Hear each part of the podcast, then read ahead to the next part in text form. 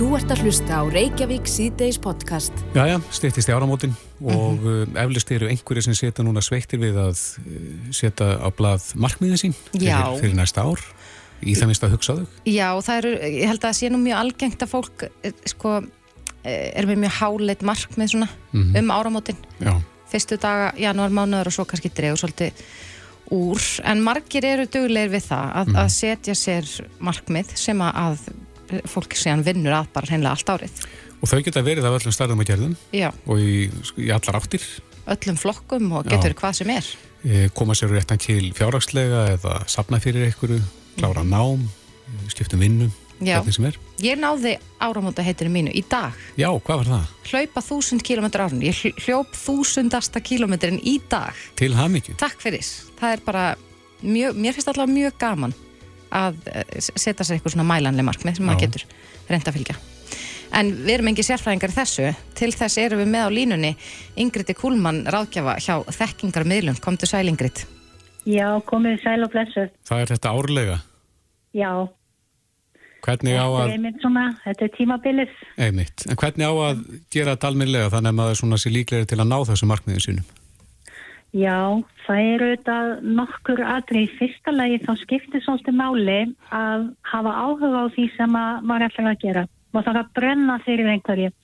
Það er til dæmis engin að kaupa, þá mun engin kaupa sér líka sælt á kort í byrjun ásins af því að allir eru að kaupa sér kort eða slaupa þúsund kilometra bara því að allir eru að gera. Mm -hmm. Það er ekki nóg sterkur kvati þannig að hvað langar mig til að gera?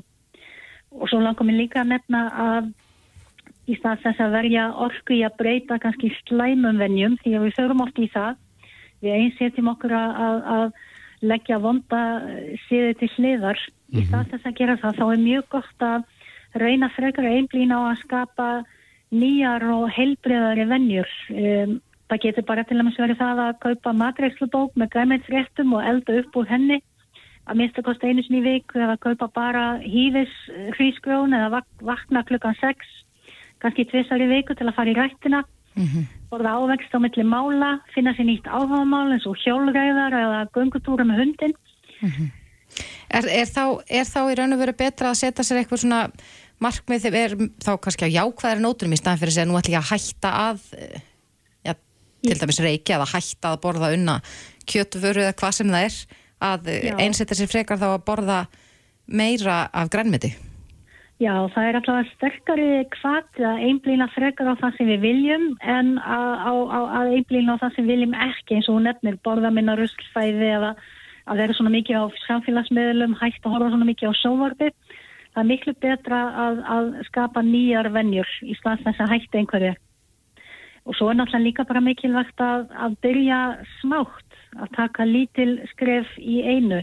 Við áttum okkur stundum ekki á því að margt smátt getur skilamáli miklum árangur stuttum tíma ef við hugsun til að mis bara það að við viljum uh, gera meira að við að fara út að ganga mm -hmm. þá er þetta gott að fá sér skrefamæli og þá kannski hægt að taka ganga kannski þúsund skref á fyrsta degi, svo 1100 á öðrum degi og halda áfram þanga til við við erum komin í 10.000 skref á dag og þetta hljóma kannski ekki mikið en ef við byrjum til að mis með eina nýrbegju og við bætum við einni daglega þá tekst okkur að taka 775 nýrbæðir á 30 dögum. Ja, akkurat. Þannig að við getum líka hugsað þetta þannig bara að, að við ætlum okkur stundum að segja heiminn bara í, í hérna, já, á einum degi stað þess að taka bara lítil skref í einu þangan til við verðum komin á áfangastaf. Mm.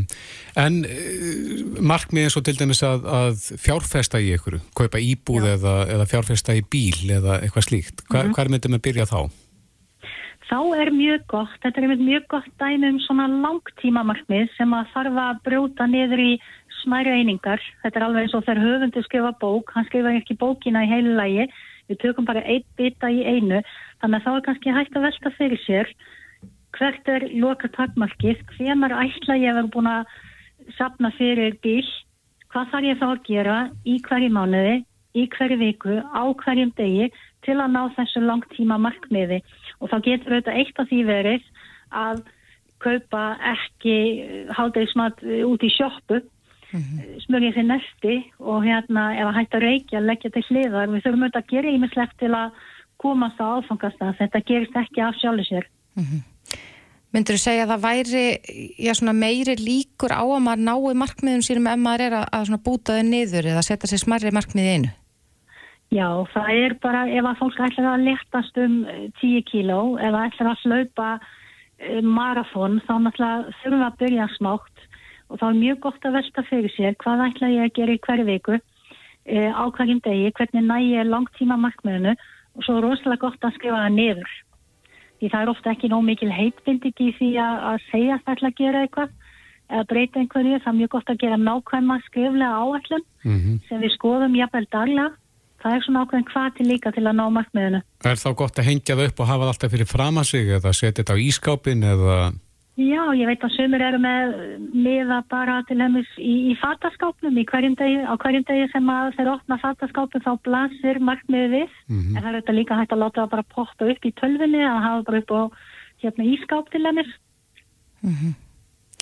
Já, er, hver er svona þín tilfinning? Er fólk ennþá eins mikið að, að setja sér svona eitthvað markmiði máramóti eins og áður? Þetta var nú já, miklu algengar að manni finnst þetta áður fyrr. Þetta var kallað að strengja að heit, ég hef nú ekki heyrt það lengi samt, en tala ég leið markmið í dag. Já, akkurat og, og, og ég held að fólk seti sér að þá markmið en kannski ekki endla alltaf bara um áramóti því að það er auðvitað líka, það skiptir líka máli að vera tilbúin, maður fannst alltaf að leggja mat á hversu tilbúin maður er, það er kannski ekkit rosalega gott að skála á gamla skvöld og segja að gera eitthvað.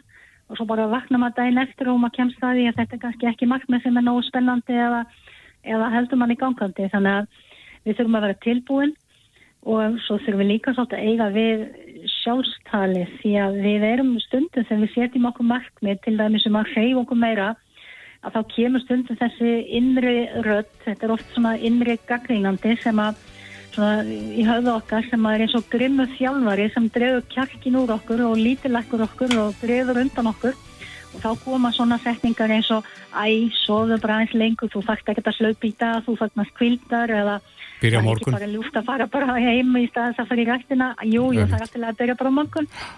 Það er litli púkin á aukslinni. Já, nákvæmlega. Mm -hmm. Já, herðu, þetta er fínt og fyrir þá sem eru núna að skrifa niður markmiðin sín og, og reyna að, að og stefnaði eitthvað næsta ári og þá er þetta fín, fín leiðavísir sem þú ert búin að fara í gegnum hérna núna, Ingrid Kúlmann.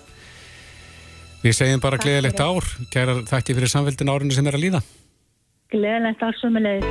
Þú ert að hlusta á Reykjavík C-Days podcast. Reykjavík C-Days ábylginni heldur áfram. Það var upplýsingafundur í dag. Já enda eh, fjölmörg smitt hérna innanland. En samtöluða niður? Já. Það er svona bóti máli? Já. Ég, þú þór ekki verið ofbjart sínum hvernig þetta fer næstu daga uh, en það er þó gott mm -hmm. að það hafa ekki verið hækkun í þessum tölum. Mm -hmm. En uh, nú er þetta ómikrón afbyrði að greinast æg meira og allstaðar um heim en við veltum við fyrir okkur hvað, hvað vitum við nú þegar um þetta afbríði mm -hmm. sem við vissum ekki já, fyrir nokkru veikum síðan. Já, e, til að fá upplýsingar um það erum við með á línunni Magnús Gottfriðsson, professor í smitt sjúkdómalækningum, kontur sæl. Já, blessaður. Já, hvað vitum við núna? Því að nú e, hafa með verið vantala fullu að reyna kortleitja þetta afbríði og svona sjá hvernig það haga sér öðruvísi heldur en delta. Hvað vitum við? Jú, það er svo sem er að bætast við á hverjum degi. Einhver þekking um þetta aðbreyði og við þetta, finnum býtna óþörmilega fyrir kannski því sem að skilgrinni það svolítið frá delta aðbreyðinu sem er þessi gríðarlega mikla smithæfni og hái smittstöður mm -hmm. og við erum að sjá um eitt tölur bæði hér og, og í Danmörku og víðar í Európu sem eru áður óþægtar gríðarlega hröð og mikil dreifing. Mm -hmm og um, þannig að það hefur nú alveg uh, verið staðfest nokkuð eftirminnilega að þetta er uh, aðbreyði sem að sem að dreifir sér mun hraðar og, og, uh, og hérna, með virkari hætti heldur en við hefum séð áður. Mm -hmm. En, en veitum við hvers vegna það er? E, e, þurfum við sem einstaklingar að gera eitthvað meira til þess að reyna að verja okkur gegn smiti? Við erum auðvitað duglega að nota grímur þegar við á og, og þó okkur hendurnar, nota spritt ætti að bæta ykkur við þann lista?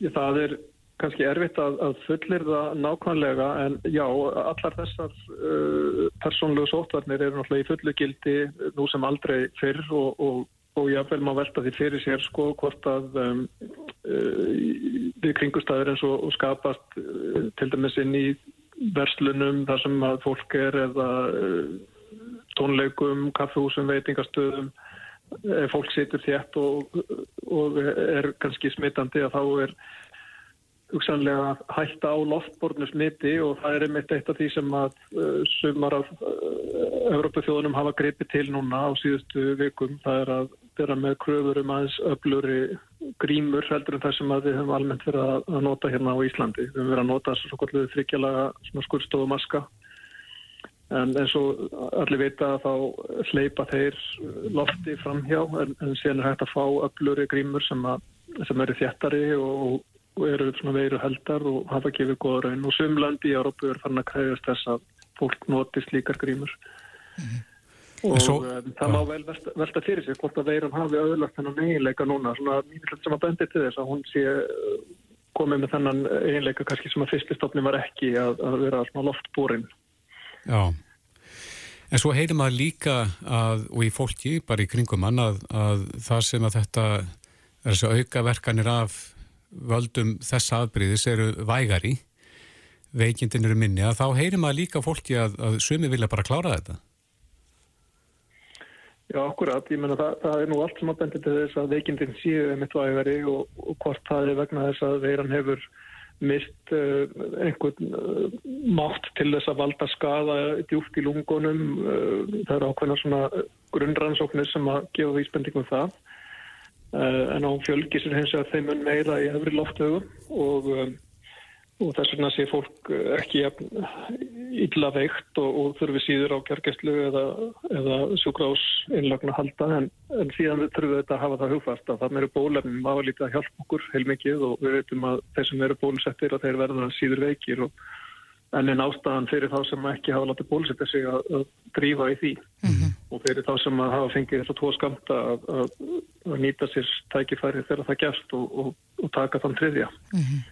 Það hafa nú heist, eh, já svona rattir frá úr ímsum áttum að nú sé ekki spurningum hvort heldur hvenar maður smitast, að þetta muni á endanum ná til okkar allra, erst þú sammála því?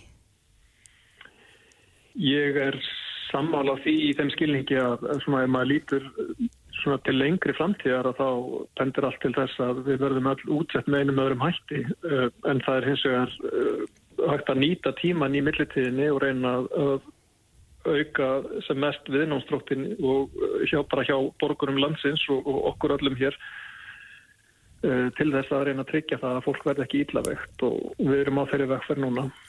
En sjáu þið, læknandi sem eru að meðhandla sjúklinga sem að leggjast inn á spítalan, sjáu þið mun á því hvernig sjúkdómur er leggst á bólusetta og óbólusetta? Já, það er alveg augljóft að maður rínir í tölunar frá spítalanum og þá sér maður það nokkuð augljóftlega að, að þeir sem eru óbólusettir, þeir eru mun líklæri til þess að veikjast alvarlega og enda á gjörgjastlu. Mhm. Mm En, en hvernig verður ykkur þá við að, að það er nú áróður úr ymsum áttum um það að bólusetningar séu hennilega ekki gaglegar og, og e, margir sem neytar hennilega að þykja bólusetningu af, af þeim sökum. E, hvernig verður ykkur við að, að, að sko, lesa þannig gaggrinni þegar þeir eru með þetta svarta kvíti fyrir saman ykkur? Jú, það er þetta bara mjög dapulegt og aðalega náttúrulega dapulegt fyrir þá sem að eru að veikjast alvarlega en ekki síðu fyrir þá sem er að sinna þessum veiku einstaklingum að, að uh, vita það að, að það, það hefur eftir að koma þarna í veg fyrir alvarlega veikindi ef menn hefðu hérna, beitt þessum úrræðum í tæka tíð. Og það eru þetta dapulögt ef, ef upplýsingargjöfin er orðin það hérna, brengluð og, og upplýsingunum snúið á kól þannig að fólk dregur rángar álíktanir og, og og hérna og, og geldur það dýruverði og svo er þetta bara mjög erfitt fyrir þá fólk sem er með önnur helbriðis og enda mann ekki satt vegna þess að aðgerðum er jú frestað og það er ekki sama segurum til þess að finna öðrum sjúklingahópum. Mm. Þannig að þetta hefur svo víttakar afleðingar. Já, en Magnús, þú myndist aðeins hérna á veruna að, að nú væri hún mögulega gett þeim einleika að vera sko, loftborun í auknumæli. Telur þú líklegt að ja, það verði gerðar auknar kröfur um grímur hér á landi eins og talar um þessar veiru hamlandi maska sem notaður eru annar staðar í eh, heiminum? Ég myndist alveg fyllilega eðlert að, að, að skoða það, svona allavega að taka mið af aðstæðum og landsbyttalinn hefur nú þegar uh, krafist þess að þeir sem að heimsækja sína uh, hérna, aðstandendur sem að liggja á spítalanum að þeir berist líkar grímur innan dýra spítalans og ef aðstæður eru með söpuðum hætti annar staðar þá sé ég ekki til hérna fyrirstöðu að menn hugleði að nota þær víðar og eins og ég segi þær eru notaðar mjög víða og, og, og venjulegi svona skurðstofumaskar er ekki teknik gildir víða í Európa. Nei, en það vil líka koma upp svo hugmynd að færa uh, þá sem að eru siktir af COVID út af landsbítalanum, finna aðra staðsetningu fyrir þá, hvernig hugnast þið það? Sko mér hugnast ágætlega menn reyni að, að leysa þetta uh, svona lausna með það þannig að til dæmis þeir skjólstæðingar sem hafa lokið meðferð á landsbytalanum sé ekki fastir inn á bráðadeildum á hátæknisjúkrahósi uh, og að reynd sé að finna annan stað til þess að sinna þeirra þörfum. Uh, það segir sér algjörlega sjálft að, að lega á bráðadeild þar sem er mjög mikil erill ljóseng kveikt og slögt á nætuna, sérstaklega þurfum að ræða kannski aldrað einstaklingar sem að mega ítla við svona trublunum. Það er bara mjög slengt mál að þeir skulið þurfa að, að dúsa á spítalanum vikum og mánuðum saman og uh, betra að reyna að hafa þá í kannski umhverfið þar sem að uh, það er aðeins meiri rói yfir hlutunum og, uh, og fyrir utan það er náttúrulega að, að starfskraftar og sérþekking starfsfólks spítalans er ekki rétt nýtt með því að, að hafa hlutunum svona.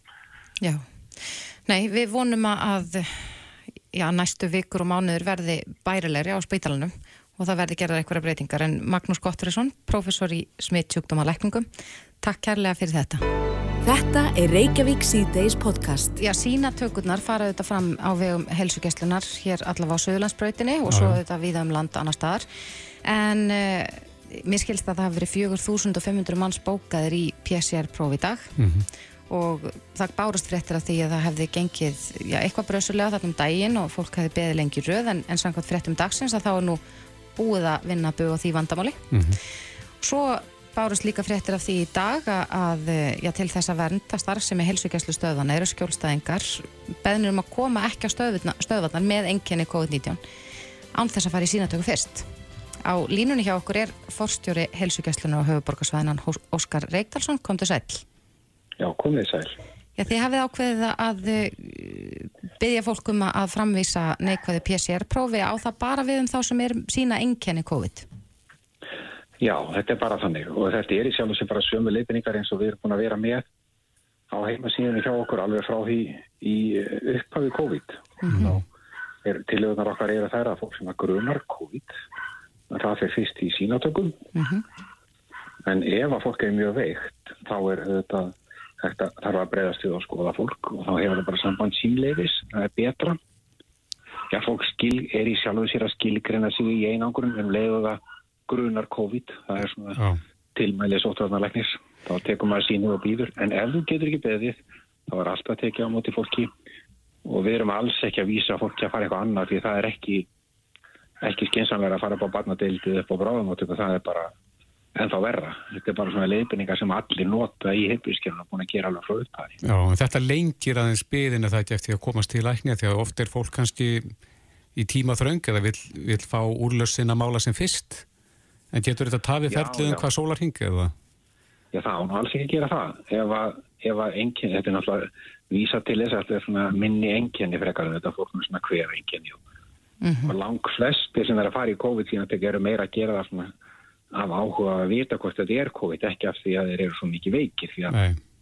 það kemur ofta svona síðar í ferlinu að fólk verður með COVID En Óskar, hvernig hefur gengið núna undanfarnar daga við sínatökur? Það bárust fyrir eftir að því að fólk hefði beðið lengi úti í röðum. Hefur það verið leist? Já, ég held að við séum alveg búin að, búin að fjölga starfsmunum og ráða einn fleira fólk og erum að tjálfa það upp og svo erum við búin að breyta fyrirkomuleginu á söðunarspötinni Þannig að það er aðeins rúmbetra, um, meira plás fyrir sína tökurnar og erum að færa okkur upp á hæðirna líka. Mm -hmm. Við tókum yfir 5.000 sín í heldina í dag og byðin var að lítil sem enginn, það var einhverjum smá tímabil í dag, kannski upp undir 20-25 mínúti kannski. Mm -hmm.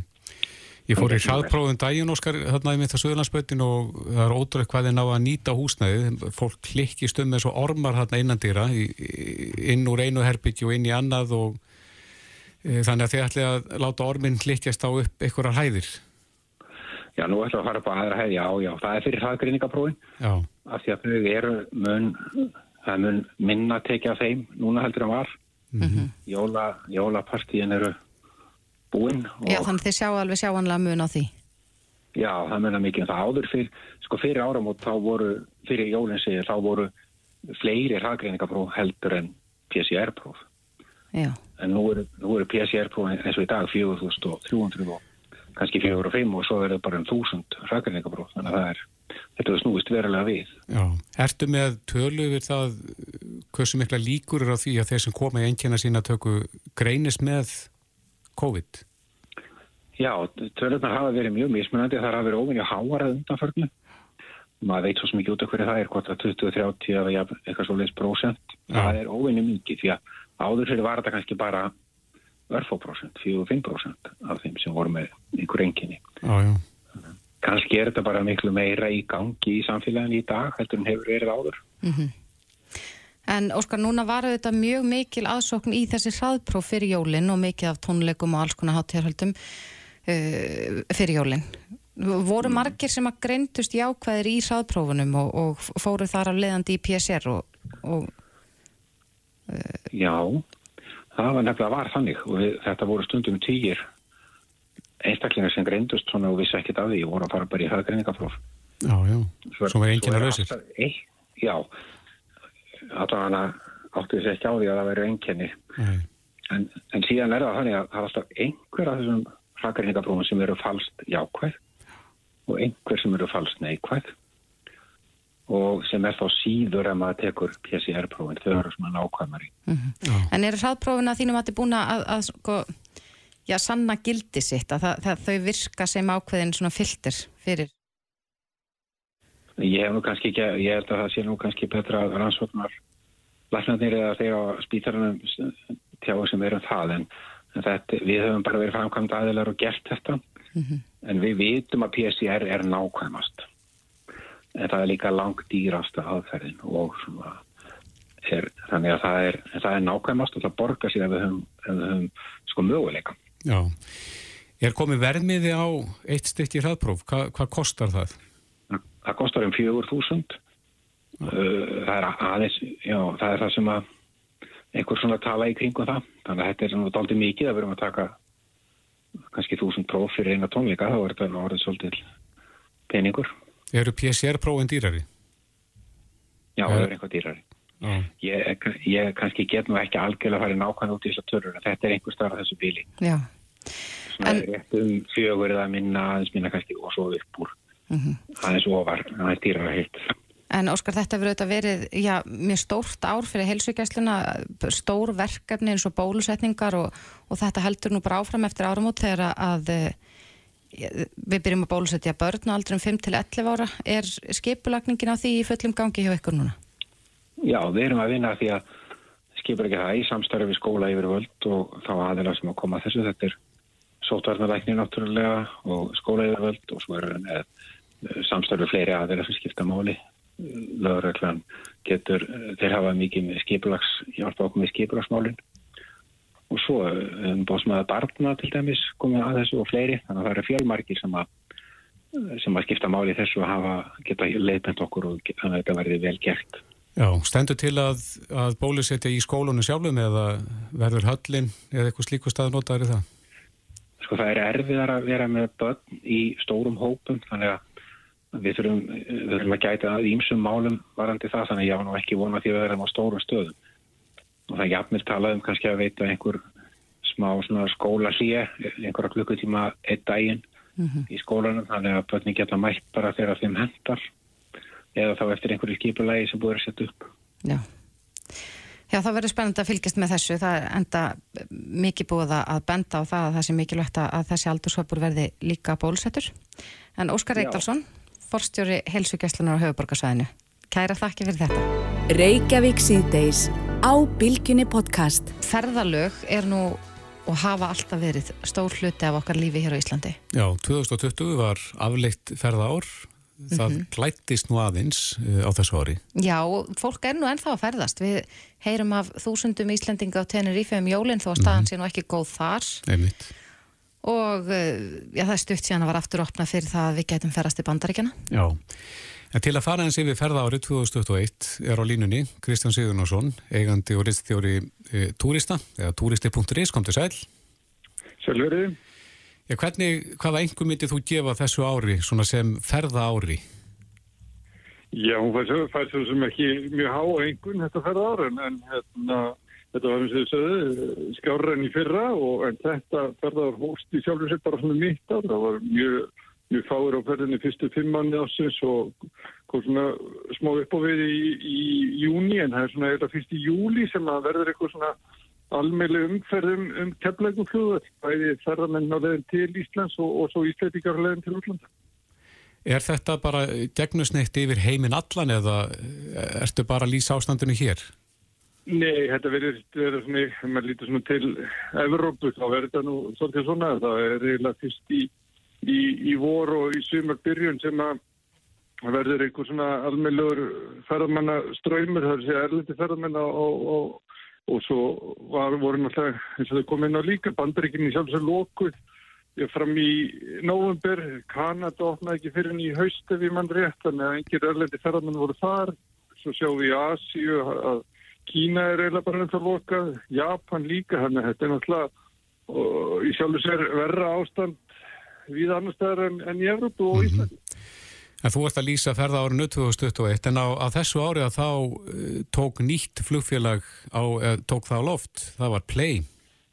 Já, já, mikið rétt og, og það er hérna er, er umferðin, eða sem sagt, stafsuminn bara fór á flegi ferðan í, í lok júni og, og, og félagið með þrjár þóttur sem hafa verið að fljúa í, til Evrópu og svo er stafnum sett á Ameríku núni í vor, þannig að það eru uppið mitt stóra áform um, um, að Já, gera svipað og Æslandi er það er að segja að gera miklu leiti út á þessa fartega sem fljúa millir Evrópa og Norður Ameríku og eru, eru til að millilenda keflagu fljóðlega leðni. Mm -hmm.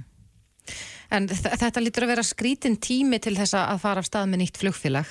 Heldur þetta að hafa verið réttur tími á meðana að það var svona ákveðin lagð í gangi?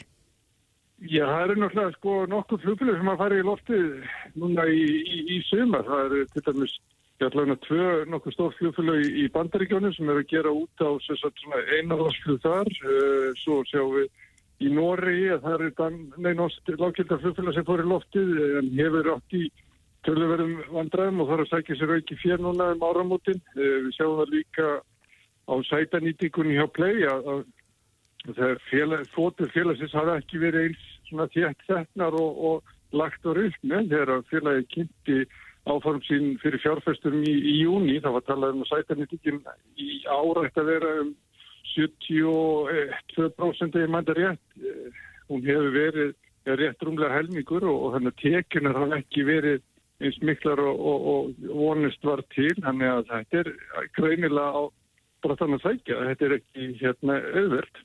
En hjá samtjefnisæðalanum Æslandi er?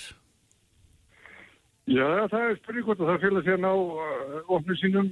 Uh, sko, það er náttúrulega, er, uh, þessi umferði við hafið, það er því að þegar bandir ekki nótnast, þá náttúrulega ykkur það möguleika þess félags að, hérna, að ná í aukna tekjur fyrir núna í vetur. Það er náttúrulega verið þannig lengi að, að rekstur Æslandi er skilan og flekki hagnaði við vetramánuðina en, en En núna geti sagt, þetta að það sé hægt að fljúa með fartæmi til Evrópu og Norður Ameríku bætt að hafa félagsins í vetur, það er að segja að tapi verið minna og, og, og, og svo er bara að sjá hvernig samkjörni verður næsta sumar þegar það skiptir gríðarlegu máli fyrir þau og Æslandi er og önnu flugfélög næsta, sumarvertíð og maður sér að bandarísku flugfélög þau veðja á að það verði tölver umferð frá bandaríkanum til Evrópu næsta sumar. Mm -hmm. En við töluðum aðeins um það hérna áðan að veröldin verði ekkit endala eins og hann var og nú eru þetta tölvist flóknara að ferðast en, en áður, maður þarf að sína allskynns uh, vottorð og fara í sínatöku og bera grímur og, og þar mætti lengi telja. Heldur þú að, að þetta verði einhver tíman eins og áður og maður geti bara nánast hoppa upp í fljóðvel með einhver fyrirvara og skellt sér hvert sem er? Já, það er einmitt góð spurning sko, hvort að þessi tími sem, sem já, þegar ástandið var þannig, maður gett bara hoppað til fljóðvel og bara munna eftir vegabrefin og kreditkortinu að hérna, hvort við höfum til hans síðar og sem einhvern ótrúlega stímabil sko varandi ferðarfrelsi, en hérna við vonum með þetta, þetta batni, en svo er það náttúrulega líka óvissið þátturinn í dag, þetta að að veikjast í útlöndum og, og þurfa ég að leggjast inn á sóttarnahótel í útlöndum að borga aukilega gístingu í viku eða tvær að því maður er mælist með veirinu sko. veist, það, það, er, það er, þetta er náttúrulega ekki ákjósanlegt ástandið eins og það er núna og svo þegar þetta ómikrona afdrýðið núna að valda því að fjöldi ríkja eins og í Evrópu bara er að, er að herða aðgefðir hjá sér að þá náttúrulega dregur þetta vantilega úr áhuga fólks á að panta sér ferðir núna, það er náttúrulega svona, svona, svona löngkæð fyrir því að, að svona í lokás og í byrjun eh, í januar að þá færi fólk að leggja svona drauga sumafríinu sínu, það var að mhm. bóka sumafrí í vinnunni og annað og nú kannski þessi óvisa sem núna er uppi, hún senkar því sannlega að fólk panti sér fælið næsta sumars. Já, og svo er þessi óvisa með hvort að ríki fara að taka upp í auknu mæli að krefjast eh, bólusetninga vottors til að fólk geti komið inn í landin eða, eða farið já, í flug. Já. Einmitt og hversu langt má vera liði frá því þú fegst eh, bólusettur, varst bólusettur eða, eða fyrst örfunarsprötu, það, það er allt þetta sem er svona, er í sjálf sér enda og óljóst hvernig fyrirkomurlagi verður og, og, og einmitt, þessi umræði eins og til dæmis í bandaríkjarnum og gott að aðeins þeir bólusetti megi nýta sér innanlagsflögu eða ekki, þessi umræði er alveg flugið þær núna og, og ítti er sennilega ekki undir áhuga fólks á að ferðast að þessa stundin. Nei. Eru að spá fyrir næsta ár? Það er alltaf, ef maður horfir á flugáallanir flugfélaga, þá lítur þetta ákveðla út næsta summan, það er tölvöld frambóð, en, en, en eins og við hefum lært síðustu misseri, þá getur það breyst rætt að félagi drægi saman seglinn með litlum fyrirvara, en eins og staðinni núna, ef, ef, ef þetta nýja aldriði, það er svona fjarrönda því fljótlega, að þá geti er mitt hérna ferðarglegin orðið mjög mikilvæg næst ári. En, en, en, en svo er þetta spurning hvort hvernig farkilfinn þróast og annað. Það er hérna teknolótt um að bæði flugfélag og, og ferðarfjónustu fyrirtæki að þeim gangi verra ráða til sér fólk núna en fyrir heimsfaraldur, ekki bara Íslandi heldur út í heimi og það geti sett pressu á launin í, í, í greininni og þar er leðandi hækka farkilfinn þannig að það er er, þetta verður spennandi að sjá hver þónu verður á næstu ári og árum. Mm -hmm. En nú hefur líka sko ómikrón afbreyð sett stryk í reikningin hvað varðar flugferðir. Það voru mörg þúsund uh, flugferðum aflist núna yfir jólinn. Er, er þetta að, að lagast? E eða heldur þetta verði eitthvað ástand sem að, varir áfram? Já, þetta geti orðið eitthvað áfram núna í, í byrjunasta ás. Það er umræður til dæmis bara hvað þessi fjöldi fólks sem þarf að vera í einangur núna, ekki bara Íslandi heldur út í heimi, hefur svona eh, erfið að veldur krísum í sjálfu sér í mörgur löndum. Í Ískalandi er við setið þessa til dæmis bara við að halda rafokkerfinu gangandi annað, þá er það í sjálfu sér fámennur hópum annað sem sér um, um dreifingur rafmaksum um landið og bara að verði veik, vera veikindin og svona vinnustuðum að þá náttúrulega hefur það gríðulega áhrif og, og fljóð og ferðagerinn er líka í, í þessari býr við þetta. Það er, er viðkvæmt að það fyrir að margir að geta að fara í einangrun og, og það er að fella með fennir og séu þýskaflöftilega í lúftansa að það er að fella með við mikið að ferðum frá í janúar fram í, fram í februar. Mm -hmm. Þannig að það er, já, já, það er alveg viðbúið að fljúa á hlutum fljóðtilega dræði saman núna fyrstu mánuði næsta ás. Já. En ég vona að ferða þýstir fái eh, að svala þorstarum Erlendis á næsta ári en Kristján Sigurjónsson hjá turisti.is Takk kærlega fyrir spjalli og gleðilt ár. Takk.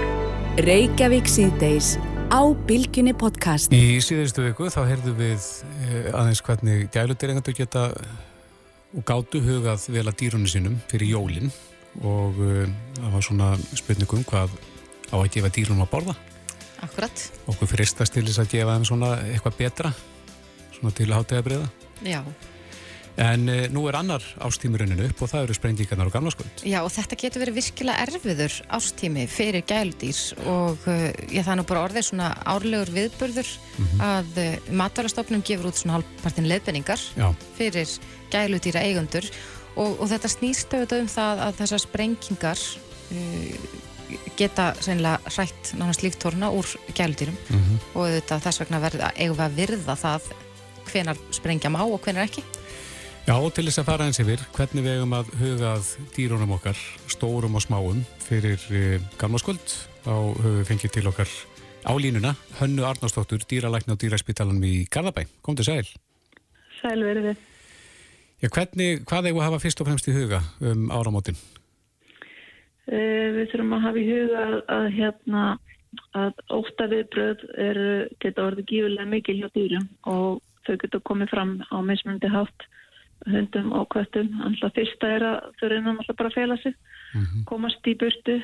Uh, svo er það til hundar sem að bregðast við með því að gesta og verða með æstir við háfaðanum og, og hérna og það er náttúrulega út af stressi. Það er kannski aðeins, aðeins mildari ótti en þó er óttin þar að baki og, og maður þarf að búa þeim þannig heima að þau geti annarkort falið sig eða komist í, í skjól frá hafaðanum og, og ljósunum.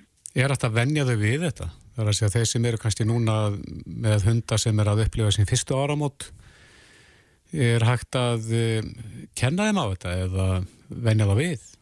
Já, þetta snýst alltaf en um það að fara ekki yfir mörgin það far ekki yfir í það að það verði ótti. Það er sko beðlegt að taka eftir hljóðum og, og ljósum og, og lykt en að fara þá ekki með það það langt að dýrið síni óttamerkja því þá ertu strax komin í annan tilfinningaham og önnur mhm. viðbröð og, og hérna þannig að það skiptir miklu máli eftir fyrstu áramót uh, dýra, sérstaklega hunda að það sé þá búið að vera einhver formáli undan, ekki bara alltaf nota gamlarskvöldið til þess að kenna þeim þetta.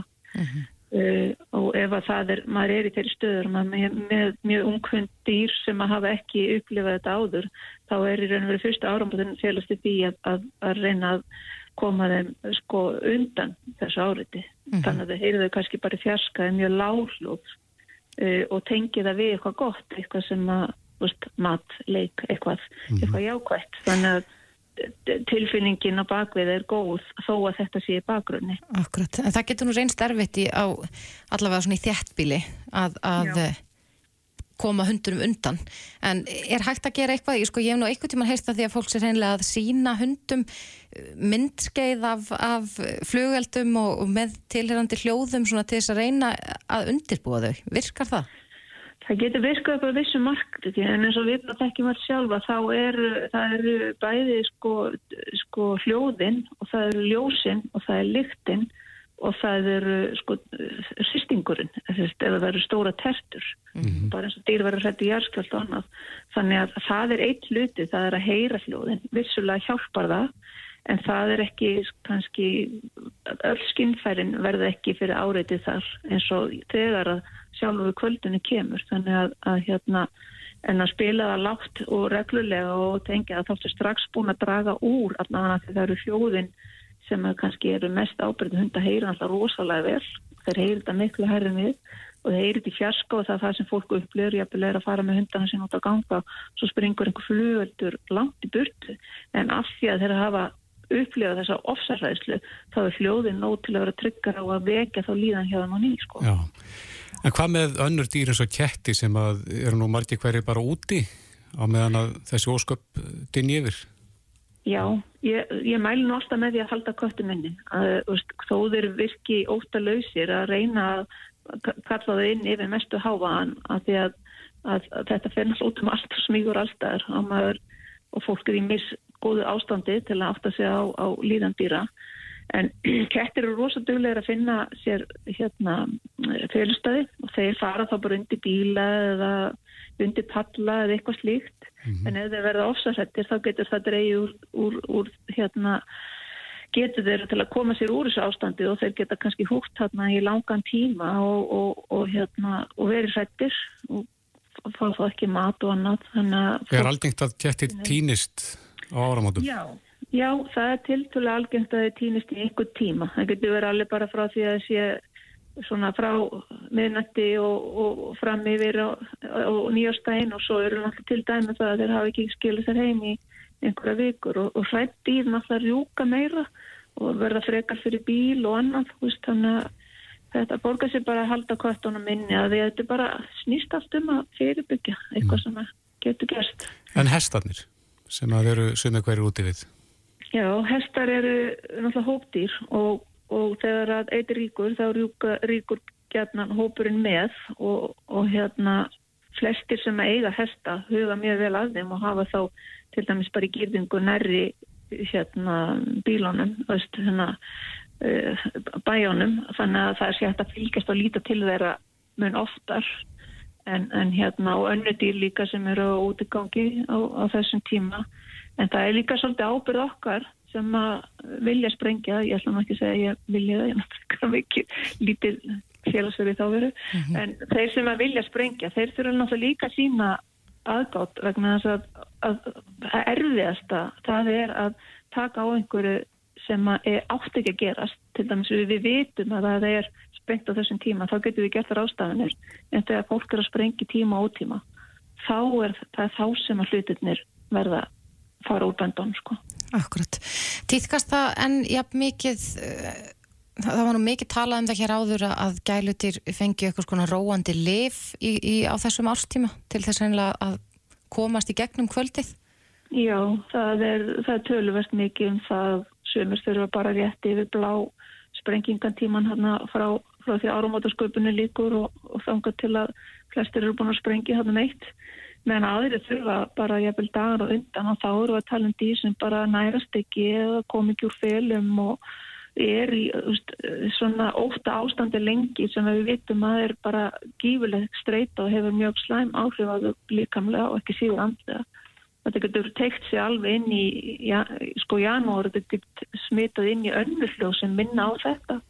Þannig að hérna það er, er þá þarf maður ofta að fara þá leiðina til að milda áhrifin til að þetta siti ekki í þeim bæðanóttalið sem að láta þau gleyma og eins líka notalið sem að hjálpa þeim að halda þessum sympatísku viðbröðu með þessu sem setur púlsin upp og öndum upp og allt það þannig að líkanlega áhrifin verða minni fyrir viki geta, geta slakað á í aðstæðan sem þau gátt ekki annars. Já, þetta er fín ráð til að hafa í huga um áramótin Hanna Arnarsdóttir, dýralæknir á dýraspítalunum í Garðabæ. Kjæra þakki fyrir þetta og gleðilegt ár. Gleðilegt árið.